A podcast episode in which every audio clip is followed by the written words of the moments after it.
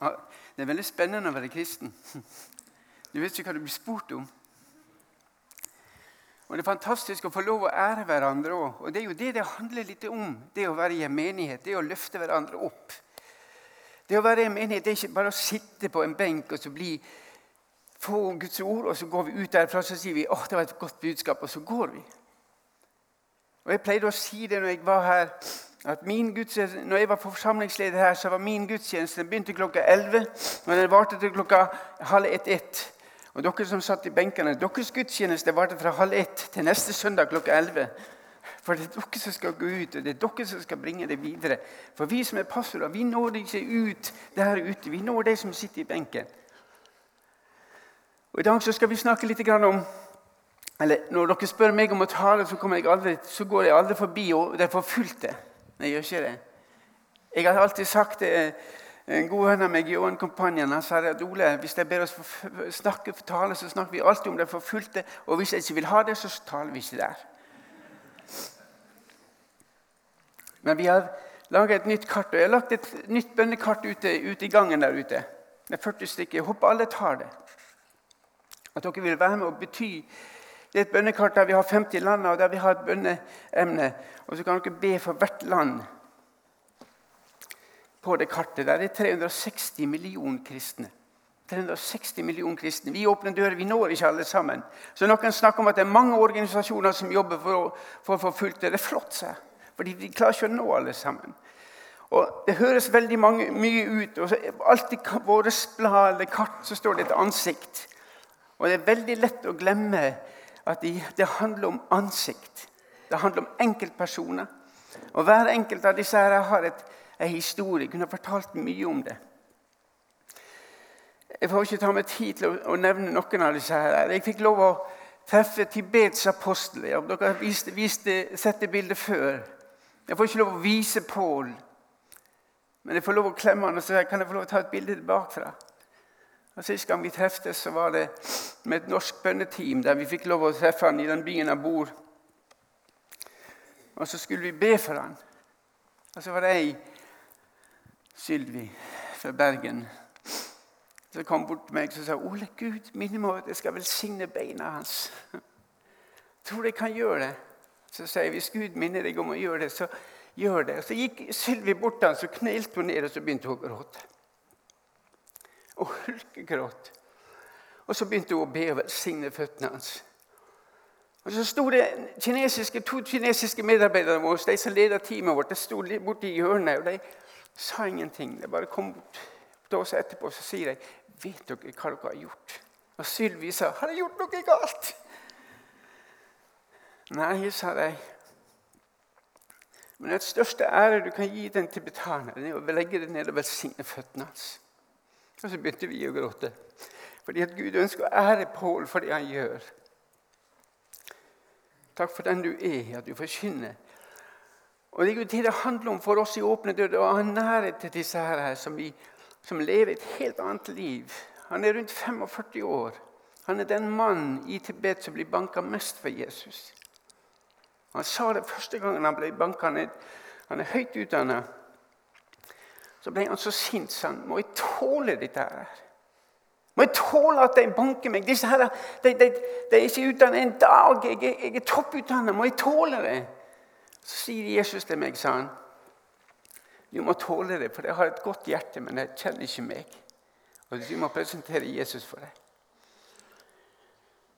Og Det å oppmuntre deg til å utbre evangeliet til jordens ende Det er litt av det vi skal snakke om i dag å utbre Guds ord, få lov å utbre evangeliet til jordens ende. Vi jobber på fire kontinenter. Latin-Amerika er ikke med her. 70 land.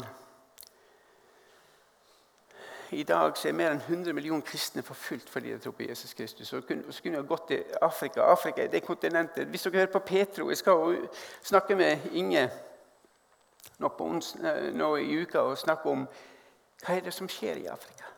Hva er det som skjer i Nigeria, Kamerun, Nigeria, Tsjad, Burkina Faso? Dere får høre mer om det. Ikke, det var En som sa det at kirka på flukt det var det siste, siste uh, eh, overskriften de hadde på siste, eh, på siste fakkeltog.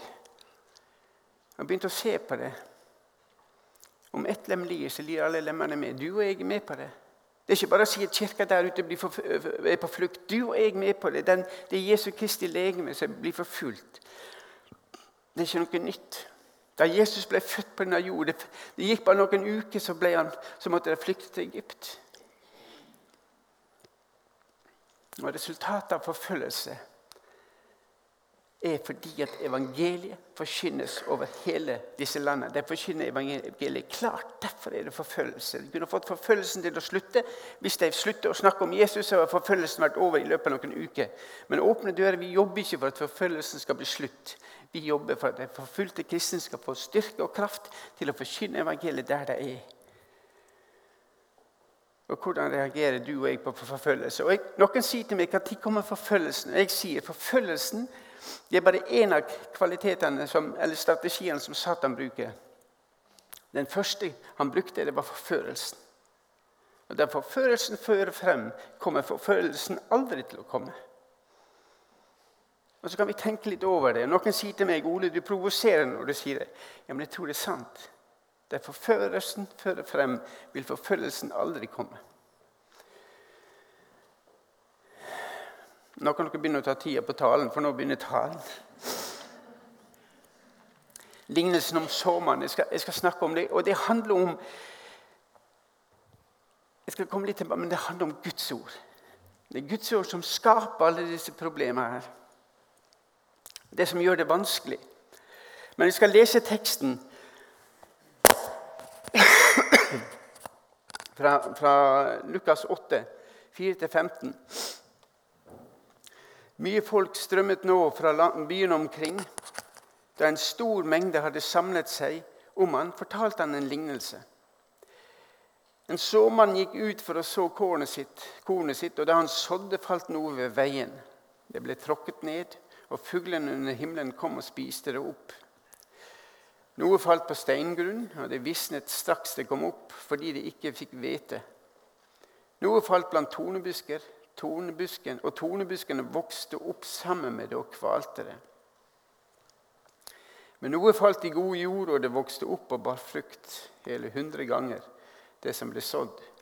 Den hadde sagt dette, ropte han, han ut. Den som har øre å høre med, hør. Disiplene spurte han hva denne lignelsen betydde. Han svarte, dere er det gitt å kjenne Guds rikes hemmeligheter men de andre får det i lignelser. For at de, ikke, for at de skal se, men ikke se. Dette er meningen med lignelsen. Såkornet er Guds ord. De ved veien er de som hører det, men så kommer djevelen og tar ordet bort fra hjertet deres, for at de ikke skal tro og bli frelst. De på steingrunnen er de som tar imot ordet med glede når de hører det men de har ingen rot. De tror bare en tid, og når de blir satt på prøve, faller de fra. Det som falt blant tornebusker, er de som hører ordet, men som på veien gjennom livet kveles av bekymringer, rikdom og nytelse, så de ikke bærer fullmoden frukt. Men det i den gode jorden, det er de som hører ordet og tar vare på det i et fint og godt hjerte, så de er utholdende og bærer frukt. Jesus snakker til deg i lignelse. Og det er utrolig Ja, før jeg går videre Jeg vet at mange av dere har bladet, men jeg har lyst til å sende rundt en liste. Og Så kan dere få lov å skrive dere på, så skal vi sende bladet gratis til dere med bønnekalenderen. Og så kan dere ta det, så får dere det tilsendt. Jeg sender rundt på den sida, så kan du Jonny, sende rundt på den sida.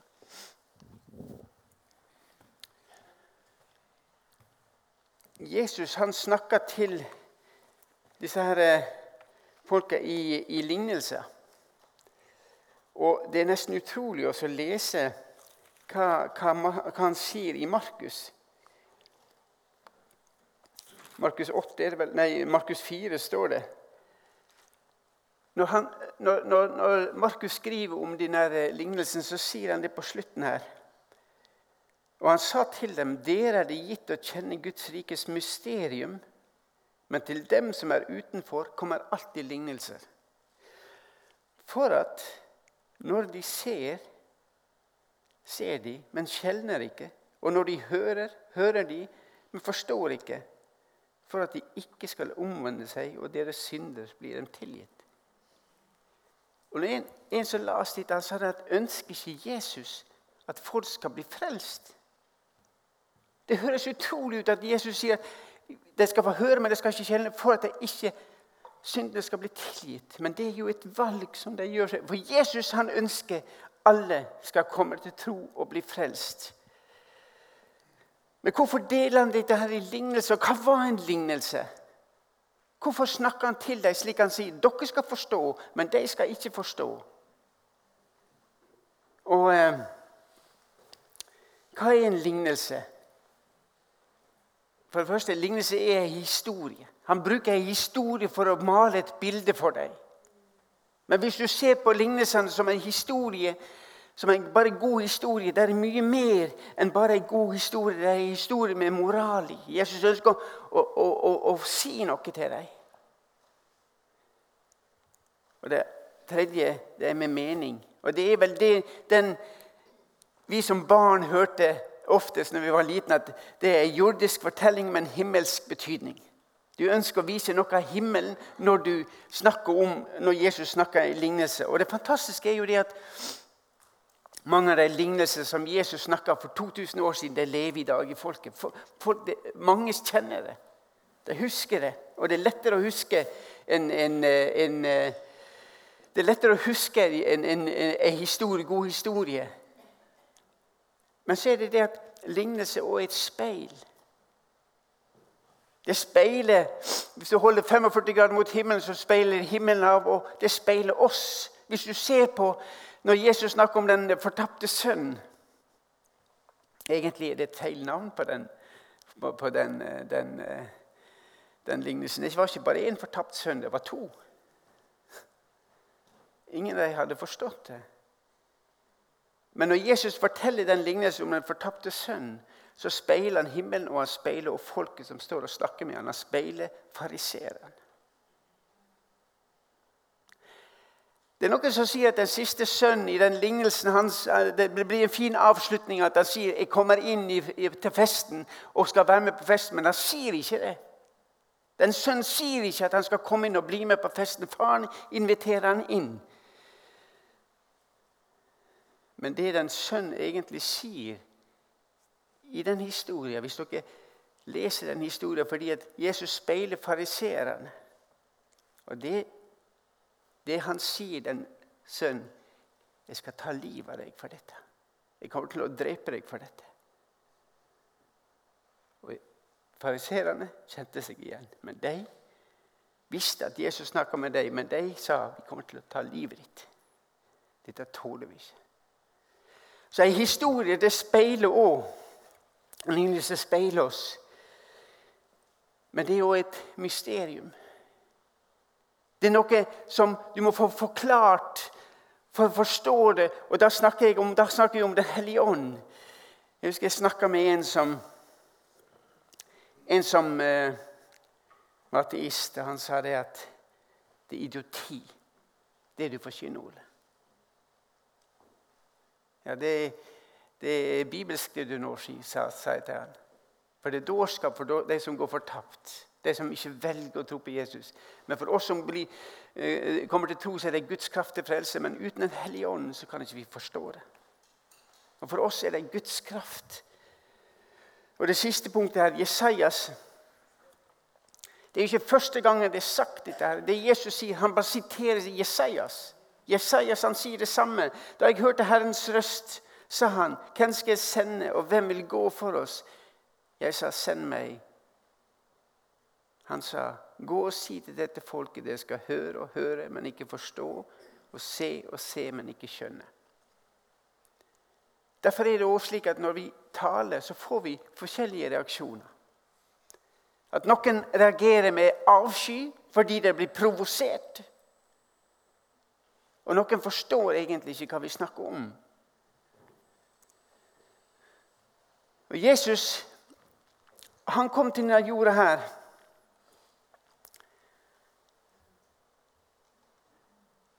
Og han kom egentlig for å forkynne, men folk kom til Jesus fordi han helbreda. Det var forskjellige mm, grunner til at folk kom. Men hvis du leser i Markus 1, 32, 38, så står det da det ble kveld og solen var gått ned, brakte de til ham alle som var syke eller hadde onde ånder. Hele byen var samlet utenfor døren, og han helbredet mange som led av forskjellige sykdommer, og drev ut mange onde ånder. Men han tillot ikke åndene å si noen ting, for, han, for, han, for de visste hvem han var. Tidlig neste morgen mens det ennå var mørkt, sto Jesus opp og gikk og dro til et øde sted og ba der. Men Simon og de andre skyndte seg etter ham, og de fant ham, og de sa alle leter etter deg. Men han sa til dem, la oss gå videre til småbyene her omkring, for jeg skal forkynne der også. Derfor, til det er jeg kommet. Jesus var ikke kommet først og fremst for å helbrede. Og Den situasjonen som er her, er at Jesus han er i en situasjon i den byen der det kommer til det med alle som var syke, og Jesus helbreda alle sammen. Og En annen plass i Markus så står det til at det til og med kommer for å ta Jesus med makt, for at ikke han skulle reise videre, men de ville ha han der, for han helbreda de syke. Men Jesus Morgenen etterpå, når dette hadde skjedd, så går Jesus ut og ber. Det var En forkynner som sa det slik at jeg tror Jesus gikk ut for å be, for å spørre Gud. Gud, skal jeg fortsette å helbrede, bare helbrede, eller hva skal jeg gjøre? Og han får beskjed fra Gud du skal ut og forkynne. Jesus sier, 'Jeg er kalt til å forkynne.'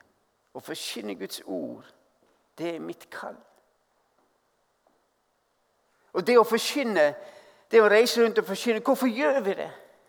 Jo, fordi det er et kall som Gud har lagt ned på oss. Og det, det fantastiske, det som står i Jesajas 55 Jeg synes det er et fantastisk løfte. Jeg, jeg elsker det verset. At mitt ord skal ikke vende tomt tilbake til meg før jeg har fullført det jeg vil. Så står det istedenfor tonekratt skal det forvandle til sypresser, og istedenfor nesle skal det bli murter. Guds ord kan forvandle mennesket.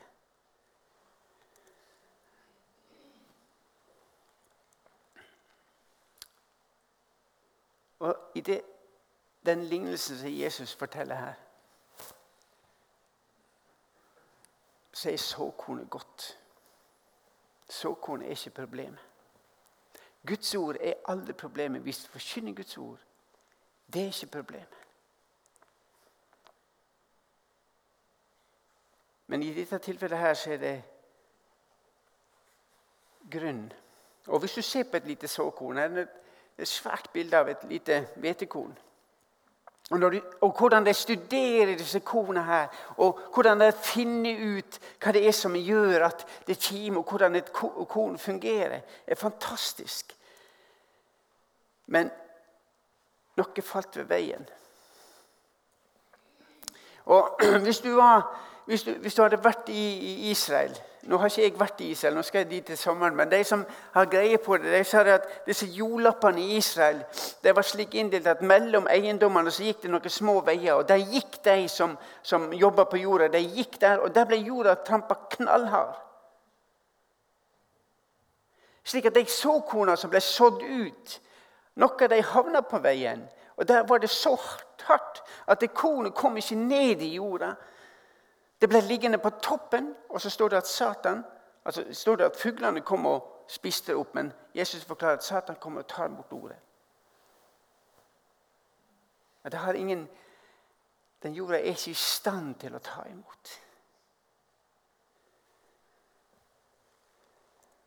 Og så har du de da som der det falt på steingrunn. Steingrunn er jo det slik at det var et tynt, tynt lag med jord, og under var det stein. Slik at det, når den jordlaget fikk hvete, så rant vannet gjennom, veten, gjennom jorda, og så kom det ned på stein, og så forsvant det. Slik at det som kom der, det begynte å spire og det begynte å vokse, men det hadde ingen rot. Det kunne ikke slå rot ned, det fant ikke hveten, og så døde det.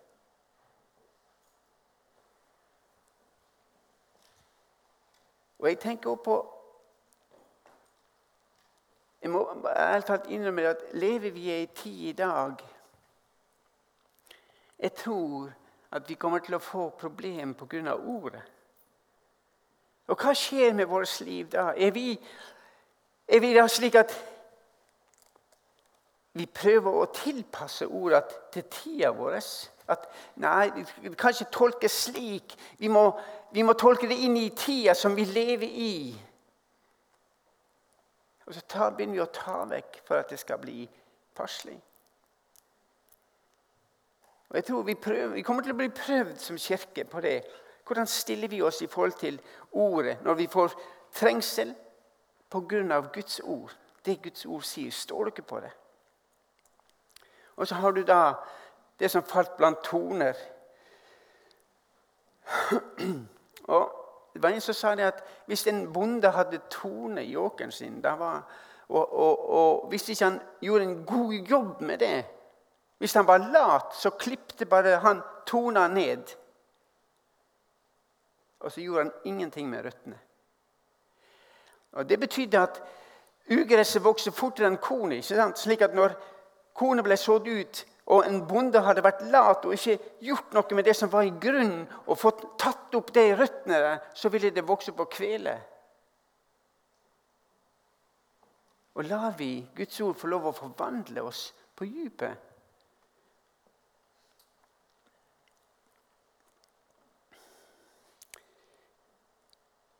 Men så har du dette her med det som datt i god jord. Og jeg tror en bonde som, som, som sår ut korn. Han gjør jo det i tro om at jeg har et godt jeg har et godt jorde. Jeg har god jord, og jeg sår ut. Og så er det noe som faller på siden av stein på, på, på, ved siden av på veien. Og noe faller også der det er klunger. Men noe vil vokse opp og bære frukt.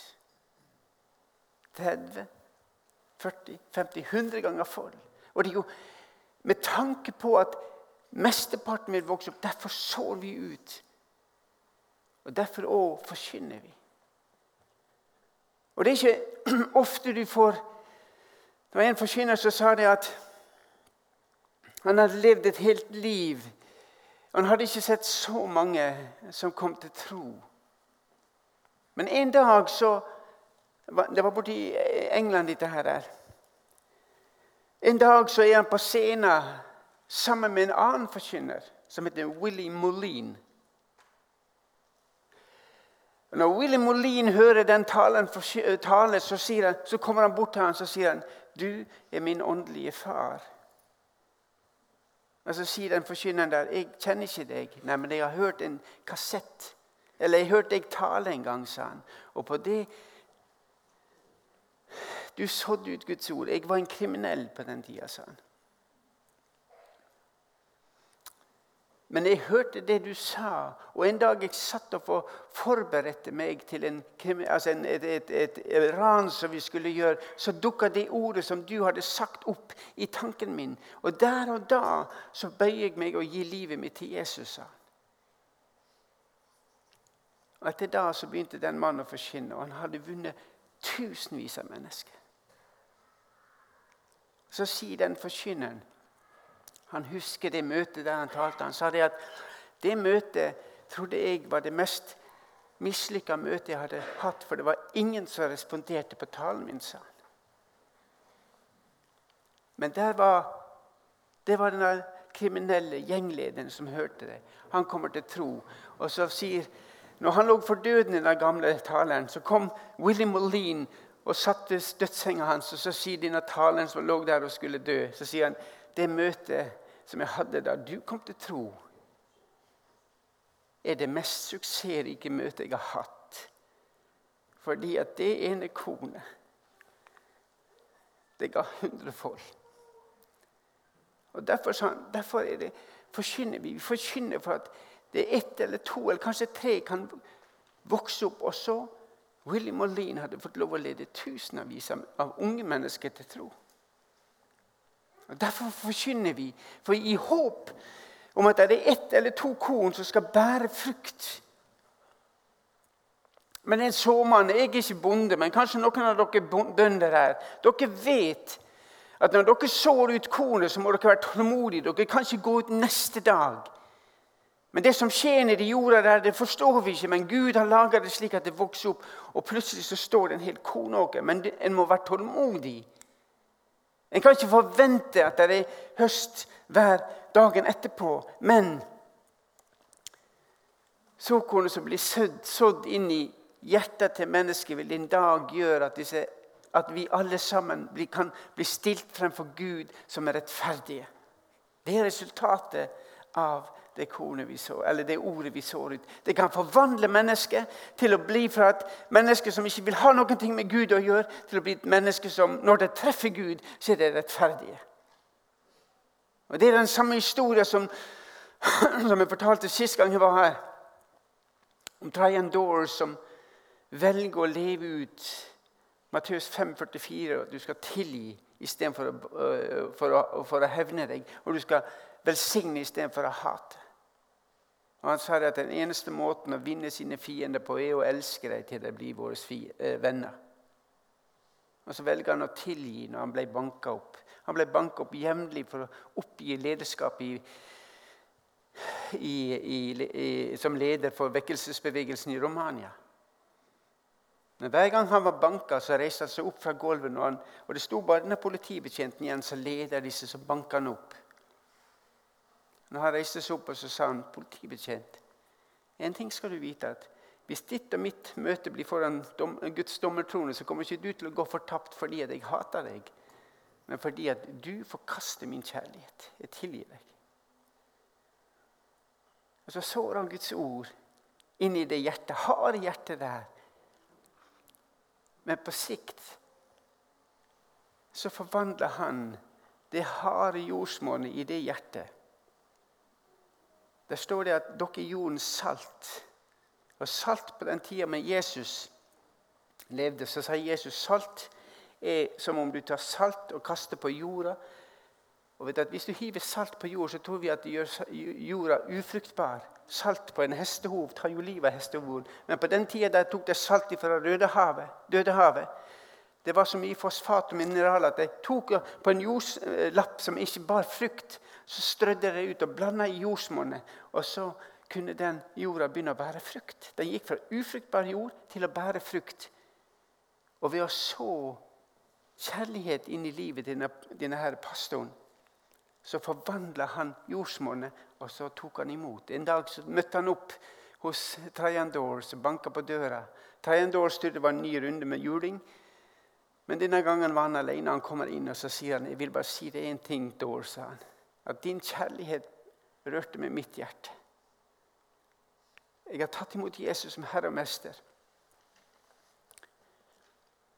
Og når vi, du og jeg kommer til å møtes foran Guds nådes trone, så er det som brødre.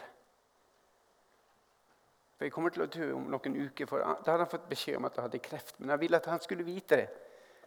At når du kommer til himmelen, så vil du møte meg. Og de der jordsmonnene Av og til så sier vi kaller jordsmonnet jeg. Vi som sitter vi har tatt imot. Og hvis det er noen venner av oss, så kan vår kjærlighet og vår omsorg forvandle disse jordsmonnene. Du og jeg er jordens salt. Vi kan være med å forandre, slik at Guds ord kommer i god jord, og at det begynner å vokse opp.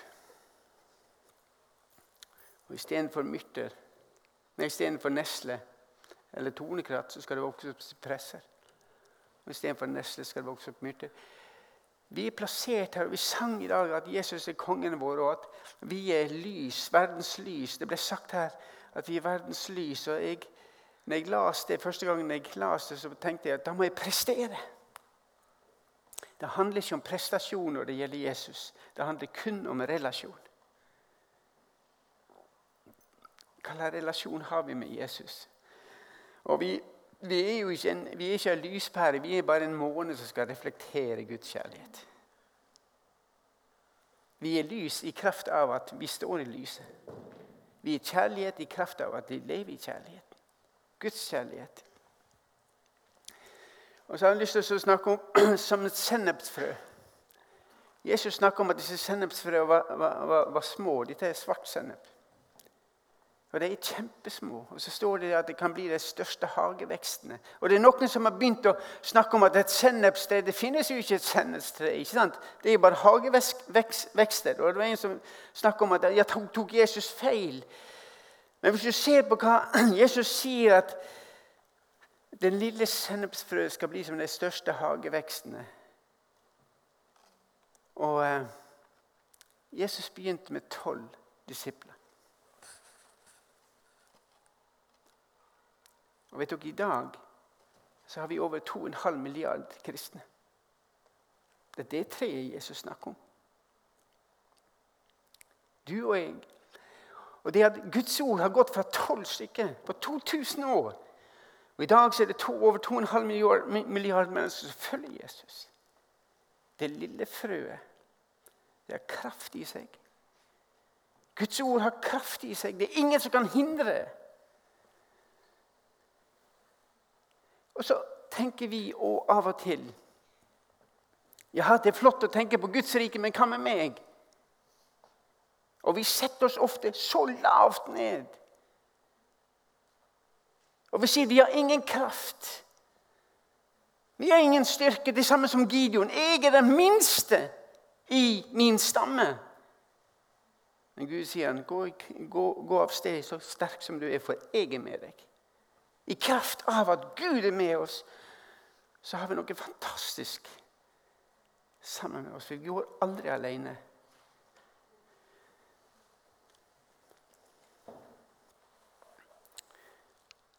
Det er ikke størrelsen det kommer an på av det såkornet, men det kommer an på hvem vi tror på. Vi tror på en fantastisk Gud. Og Jeg skal avslutte med det verset som dere har hørt meg si ofte. Se, jeg har satt foran deg og åpna dør. Det er det løftet Gud ga til broder Andreas. Hvis dere vil gå, så skal det være ingen dører som er stengt for dere. Dere skal finne åpne dører. Og Jeg har fått lov å reise sammen og, være sammen med mange som er forfulgte. Det jeg ofte ser når jeg kommer sammen med dem, at det er jo det er et enormt vitnesbyrd for å holde fast på Jesus. Og når Jesus sier dette Se, jeg har satt foran deg en åpna dør som ingen kan stenge. Det sier han til en menighet som har lite kraft. Men de holder fast på hans ord, og de fornekter ikke hans navn. Når Gud finner personer eller menigheter som sier vi vil ikke fornekte hans navn, vi har ingen kraft i oss sjøl, men vi vil holde fast på Hans ord. og vi vil ikke fornekte hans ord. Hvis Gud finner mennesker og menigheter som er sånn, så sier han, da kan han åpne dører som vi ikke drømte om.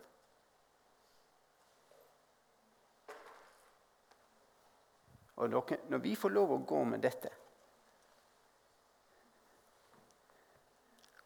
Da har vi det sterkeste og det beste svar på alle spørsmål. Det betyr ikke det at hvis du kommer til å tro på Jesus, er alle dine problemer løst. Nei. Jeg møter mer at da jeg kom til å tro på Jesus, så begynte mine problemer. Hvis du leser kristne i, i apostlenes gjerninger, det var konstant i trøbbel. Men de holdt fast på dette.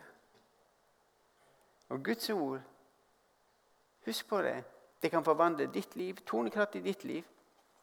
Bruk det. Bruk det inn i ditt ord. Inn i, inn i hverdagen din. La Guds ord få lov å forvandle tornekratta til sypresser. Forvandle neslene til myrter. Og igjen så sier jeg hvordan bruker vi ordet? Noen leser denne boka fra perm til perm hvert år. Og det krever, det krever. Men det er, det er, noe du må si. Det koster dere 15 minutter per dag. Tre kapittel om dagen og fem kapittel på søndag. Da leser du gjerne boka på, på ett år. Og Guds ord vender ikke tomt tilbake før det har fullført det han vil, og forvandla Ole sitt hjerte. Og Ole sitt hjerte trenger daglig forvandling. Jeg takker deg, Herre Far, for at du har gitt oss ditt ord. Takk at vi kan få lov å forkynne ditt ord i frimodighet. At ditt ord det vender aldri tomt tilbake, men det forvandler hjertet, ære far. Og så ser du Det er så lett å tenke at hvordan er min hjertegrunn? Hvordan er jordsmonnet i mitt hjerte, Herre Far? Gud, vil du hjelpe meg slik at det som sås inn i mitt liv, at det bærer frukt? Mangfoldig frukt, Herre Far. Ikke fordi at jeg får det til, men at ditt ord er virkekraftig. At det bærer frukt inn i mitt liv, at det forvandler mitt liv. Og at vi skal få lov å bringe det videre ut til andre, Herre Jesus. Vil du gi oss frimodighet, far, om, og kunnskap og visdom til hvordan vi skal nå ut til andre, Herre Jesus. Og så ber vi for alle forkynnerne, Herre Jesus, i Norge som har et kall til å forkynne ditt ord. Vil du velsigne deg og gi deg frimodighet?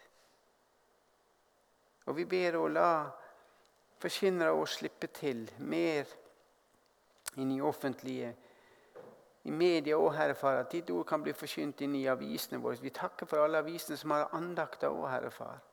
Takk for at ditt ord vender ikke tomt tilbake der heller. Og du ser TV, du ser alle de som driver det, vil du velsigne deg. Men velsign du hver enkelt, Herre Far, som reiser og forkynner, og vil du åpenbare for deg.